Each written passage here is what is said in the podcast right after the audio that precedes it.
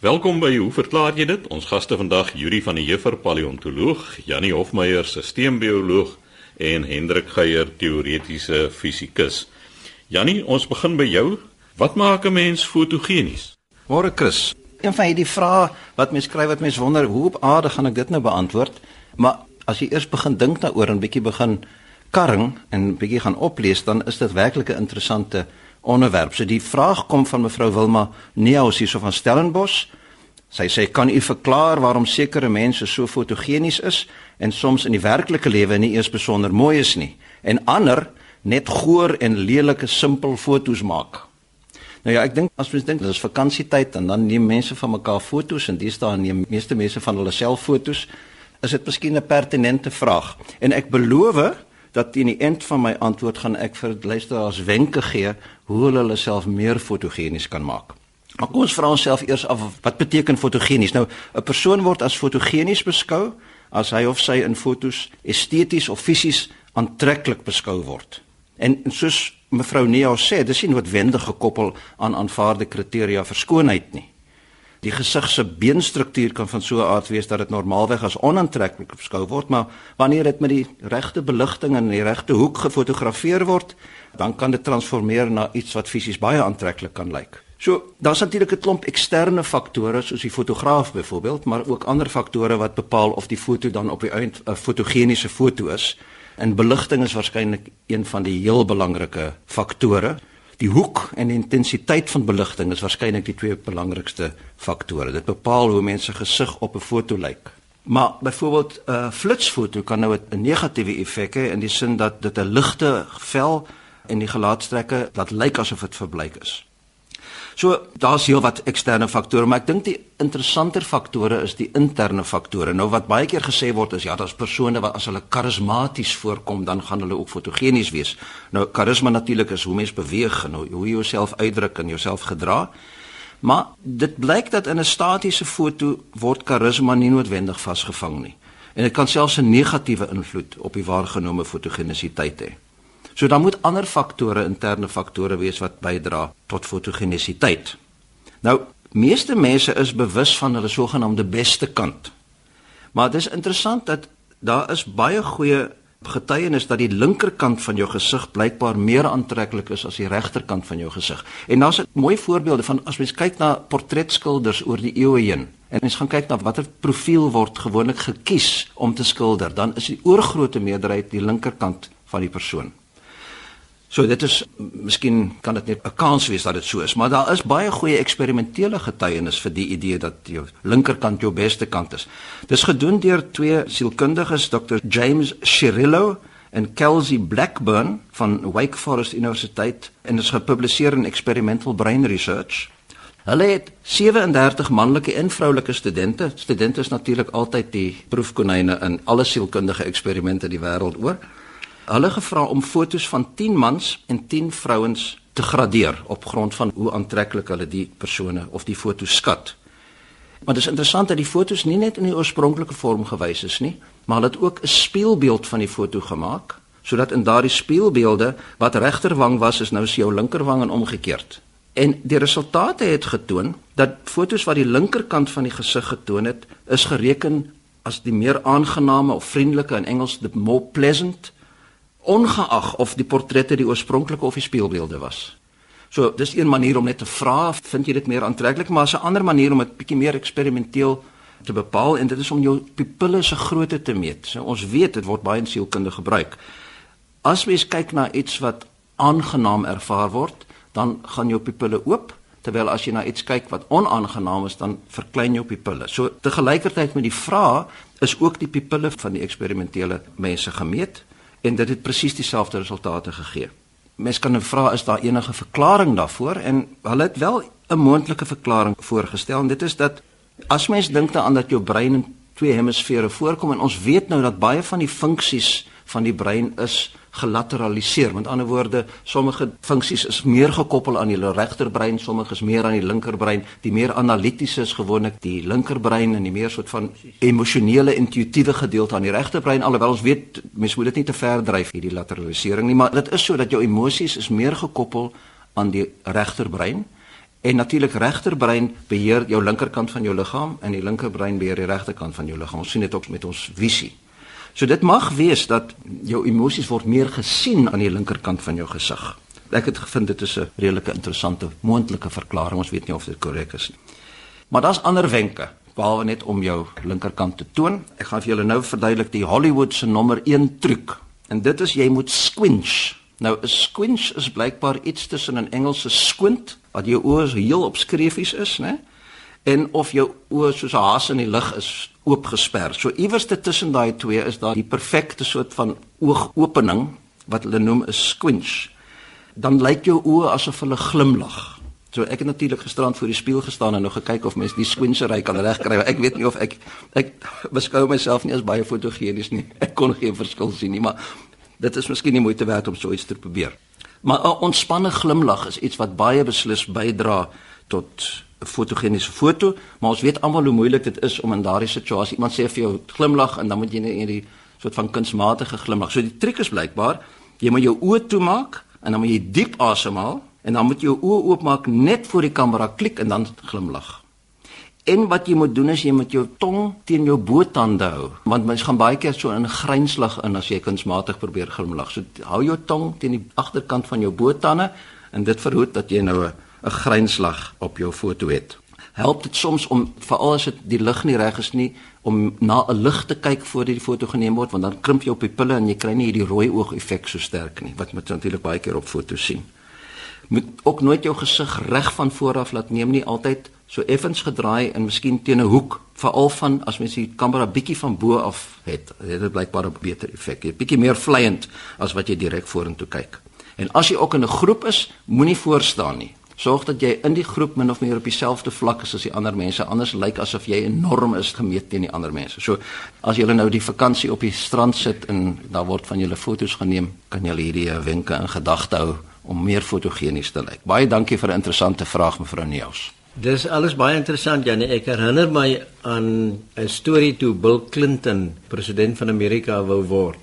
Daar is beweer dat sy gesigfoto's gedokter is dat hy meer aanneemlik vir die publiek moet wees. En een van die goed wat gedoen is is dat met 'n rekenaarprogram is sy lippe effens dikker gemaak want dan lyk dit meer soos 'n baba dit lyk jeugtig hulle het geglo die kiezer sal dan 'n bietjie gefnuik wees om nou hierdie hierdie man te verkies vir president. Hy het toe president geword. So miskien het dit gewerk maar ek dink aan ander ikoniese fotos. Daai beroemde fotograaf dink van Canada Karsh het beroemde mense afgeneem. Vir Winston Churchill en vir Ernest Hemingway. En die foto wat hy van Winston Churchill geneem het het hy hom probeer voorstel as die ou Engelse bulhond en hy lyk kwaai en bulhondagtig op die foto. En blykbaar wou hy nie van sy sigaar afsien nie en Kars het hom daarmee laat sit en net voor hy die foto geneem het, het hy vorentoe gaan en die sigaar uit sy mond uit gehaal en Churchill het daai bulhond uitdrukking gekry en en die foto was 'n internasionale sukses. Ja, dit was dan Jannie Hofmeyer, ons sisteembioloog se wenke oor hoe om fotogenies te lyk. Yuri van der Heever, ons paleontoloog wat aan die woord is. Yuri, iemand wil weet of daar steeds fossiel brandstof gevorm word. 'n Brief van Cornelis Loots Maar die brief is onderteken deur Hendrik van die Bo Karoo, so ek neem aan dit is eintlik waar die navraag vandaan kom. En hy wil weet of daar nog steeds fossielbrandstowwe gevorm word. Wat het oorspronklik veroorsaak dat olie ondergronds gevorm het? En as dit hedendaags nie meer so gebeur nie, wat het verander? Nou Hendrik van die Bo Karoo en Cornelis Loots As ons praat van fossielbrandstowwe, dan praat ons basies van steenkool, olie en van gas. En as mens dink aan steenkool, is daar 'n hele proses hoe steenkool gevorm word. Vanaf 'n produk met die naam van veen wat oorgaan in bruinkool en dan swartkool en dan antrasiet. Nou die mense wat nog in die Karoo lekker groot agasstowwe het, sal weet antrasiet is die ding wat jy in die agasstoof sit. Hy produseer 'n gifgas, maar dit is jou steenkoolproduk wat vir jou die beste of die grootste hoeveelheid hitte gee. Veen is 'n uh, soort van 'n ongekonsolideerde plantmateriaal. Tradisioneel weet ons van die mense in Ierland wat die veen in soeye uitspit en dan teen die huisie se muur pak en wanneer dit droog geskyn dit gebruik om die vuur te maak, maar die energie wat jy daar uitkry is baie min. Dis nie baie warm nie, dit rook. Dis 'n morsige soort van storie, maar dit sê vir mense dat steenkool kom van plantmateriaal af en dit moet onder druk en temperatuur verander word om uiteindelik dan 'n bruikbare produk te verskaf. Nou veen vorm 'n nat moerasagtige plekke en dit vorm vandag nog steeds byvoorbeeld in Indonesië en in plekke in die Andesgebergtes waar dit nat en klam genoeg is om dan teen ongeveer 1 mm per jaar aangevul te word en dan moet dit nou begrawe word deur sediment of wat ook al dit moet onder druk geproduseer word en dit kan tot 60000 jaar neem voordat 'n mens so steenkool gevorm het. So as jy nou dink aan ons elektrisiteitsprobleme wat ons in die land het en hoe behoeftig ons is in terme van steenkool, gaan dit nie help om te wag vir nuwe steenkool om te vorm nie. So wat met steenkool gebeur is dat as gevolg van die temperatuur en die druk word daar uh, materiaal gevorm wat bekend staan as 'n geopolimeer wat 'n groot hoeveelheid koolstof bevat en dis nou alles deur hierdie proses van veen af deur bruinkool tot by antrasiet. Nou interessant genoeg aardverwarming wat ons ys by die pole laat smelt veroorsaak nou dat ons aan die kusgebiede groot hoeveelhede water kan hê. Ons kan moerasse ontwikkel aan kusgebiede en dit sal natuurlik bevorderlik wees vir die vorming van steenkool, maar dit sal baie lank neem. So in ons lewenstyd sal dit nie 'n effek hê nie. Nou waar die olie vandaan kom is as gevolg van die beweging van die kontinente, kontinentale drywing kry jy beweging van kontinente, sekere van die plak kontinentale plate, die skuif onder mekaar in. Dis 'n kwessie van groot druk en temperatuur en in hierdie omgewing kan olie vorm. Nou as 'n mens nou dink aan groot riviere wat in die see loop wat dan massiewe lading sediment in die see inbring, daar's fyn klein organismes in die see wat dan in hierdie sediment vasgevang word of vasgedruk word, dan kan jy nou die uh, omsetting na olie kry. Nou ons het in ons eie Karoo 'n wonderlike voorbeeld van sulke sedimente in die Tankwa Karoo, die sogenaamde Ekka sedimente wat eens onder water gewees het, maar nou opgehef is dat dit op land lê. En die strukture wat jy in die Tankwa Karoo en daai berge kry, is spesifiek hierdie van groot deltas wat in die oertyd gevorm is deur paleo riviere daar van Calvinia se kant af wat hierdie massas sand en modder in die see ingestoot het. Nou dit is 'n belangrike ding vandag vir mense wat vir olie soek plekke soos ander deltas in die wêreld, byvoorbeeld die Mississippi Delta, is 'n plek waar jy kan olie soek, maar dit is als onder water. So wat jy eintlik daar het, is groot massa sediment wat in die see vloei. Daar's min suurstof daar. Die bakterieë en eensellige gediertjies word dan daar vasgevang en dit word gepreserveer. Hulle verrot nie en dan kry jy nou as gevolg hiervan groot druk, jy kry 'n temperatuurstygings en 'n chemiese reaksie vind plaas sodat die proteïene en die koolhidrate en die ander verbindings wat jy nou in die materiaal kry, dit word omgeset na ruolie veral as jy by 'n temperatuur van so meer as 200 grade Celsius kom. En die vraag is, word hierdie goed nog vandag gevorm? En dis waar, dit word nog gevorm by 'n plek met die naam van Salt Lake in die Amerikaanse deelstaat Utah word olie nog gevorm. Eksplorasie het aangetoon dat ondergrond daar is olie besig om te vorm en dan by die golf van Kalifornië, die monding van die Colorado rivier, is daar in daai sedimente, daai massiewe hoeveelheid sediment wat in die see gelos is, is daar met 'n boorprogram begin en het gevind dat in hierdie modder is daar al die voorlopers in die begin van petroleum. So dit is plekke op aarde waar hierdie gasse en olie nog steeds vorm. Nou deel hiervan is dat uh, dit moet koolstofdraand wees en ek wil net graag afsluit met 'n interessante ding wat ek raak geloop het oor koolstof en dit is nou dat die mens die vermoë ontwikkel het om diamante te vervaardig, kunsmatig te vervaardig uit koolstof. Hy het daar 'n hele paar firmas ontstaan wat nou 'n diens aanbied sodat as jy nou 'n geliefde troeteldier of 'n geliefde tweebenige verloor het, dan kan jy die as van die persoon of dier vir hulle stuur waar hulle dan die koolstof onttrek uit hierdie materiaal en die res vir jou terugstuur en dan die koolstof gebruik om diamante te maak en dan kry jy nou 'n diamant teen 'n ongelooflike prys van jou geliefde wat dan vir ewig is en dan kan jy dit nou dra en Hulle beweer nou ook dat aanvanklik as gevolg van elemente wat in die proses teenwoordig is of wat in die materiaal teenwoordig is, weet ons nou spoorelemente kan die kleur van die diamant beïnvloed. So yster sal vir jou rooi diamant gee en verskillende ander materiale gee vir jou 'n blou of 'n helder wit diamant of 'n geel diamant. En dit word baie mooi op die internet uiteengesit hoe jy nou hierdie geld moet uitgee om jou geliefde vir ewig by jou te hê. Maar die meer akademiese instansies wat te doen het met gemologie en die bestudering van edelstene wys daarop dat vir al hierdie maatskappye wat in Chicago is, ek kan nou nie sy naam noem nie, het fotos op hulle webbladsy van hulle proses en hulle masjinerie en die is direk geneem van 'n uh, instansie in Rusland wat wel industriële diamante maak. En toe hulle daarmee gekonfronteer is, het hulle gesê ja, maar ons stuur die materiaal Rusland toe, dan word dit daar gedoen en dan word die edelgesteente nou aan jou teruggestuur. So daar is geen versekering dat jy enigsins 'n diamant gaan kry wat hoegenaamd iets van jou geliefde bevat nie. So die die waarskuwing is dat 'n mens nie hierdie mense kan vertrou wat diamante van jou geliefdes maak nie. So sê Yuri, ons paleontoloog, laaste aan die woord Hendrik Geier. En Hendrik, hoekom wentel die aarde om sy eie as? Ja, dankie Chris. Ek reageer hier op 'n uh, e-pos wat ons van nog 'n Yuri gekry het, naamlik Yuri Besuidnout. Kan nie aflei hier waar hy hom bevind nie.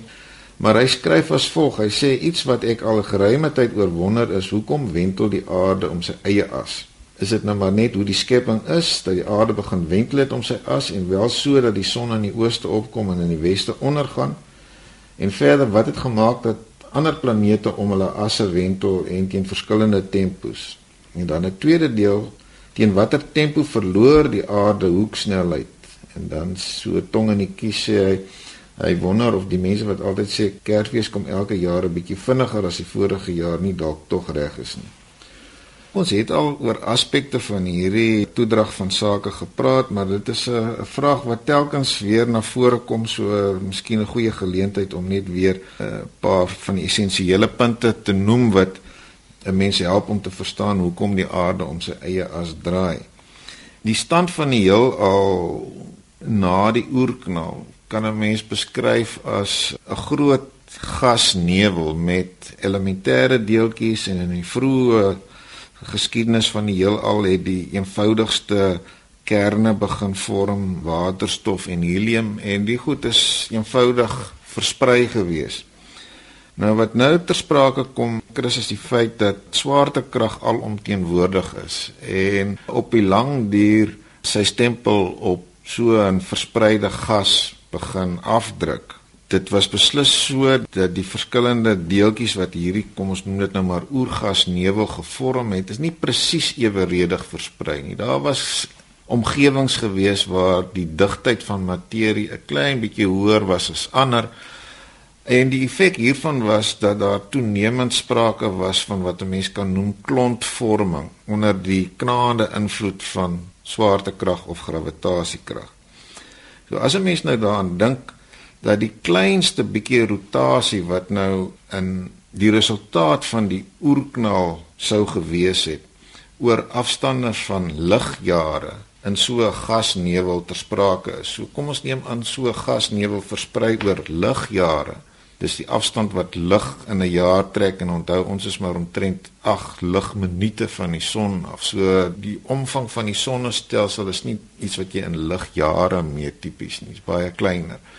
So die geringste rotasie wat geassosieer is met 'n gasnevel wat oor sulke enorme afstande versprei is en onder die invloed van swaartekrag begin saamtrek, bring mee dat daardie gasnevel al hoe vinniger begin roteer en daardie effek is aan die meeste luisteraars waarskynlik goed bekend in die verskynsel van iemand wat 'n goeie yskaatser is wat daardie tipiese demonstrasie maak van op die punt van die yskaats in die ronde tol en dan uiteindelik arms nader aan die lyf trek en al hoe vinniger begin tol. Dis presies wat 'n mens daar sien.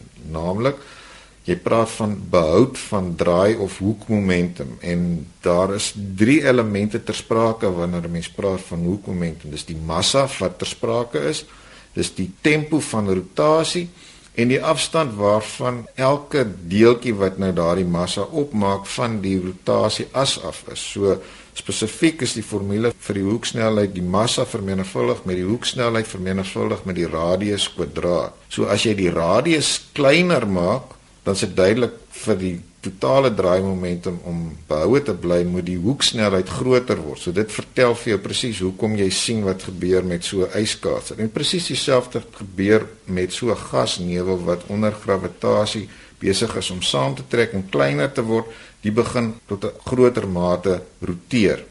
Nou as ons aan ons eie sonnestelsel dink, is die aanvaarde prentjie van die voorson en voorplaneetvormingsera is min of meer 'n skuif van so 'n gas wat reeds besig is om te roteer.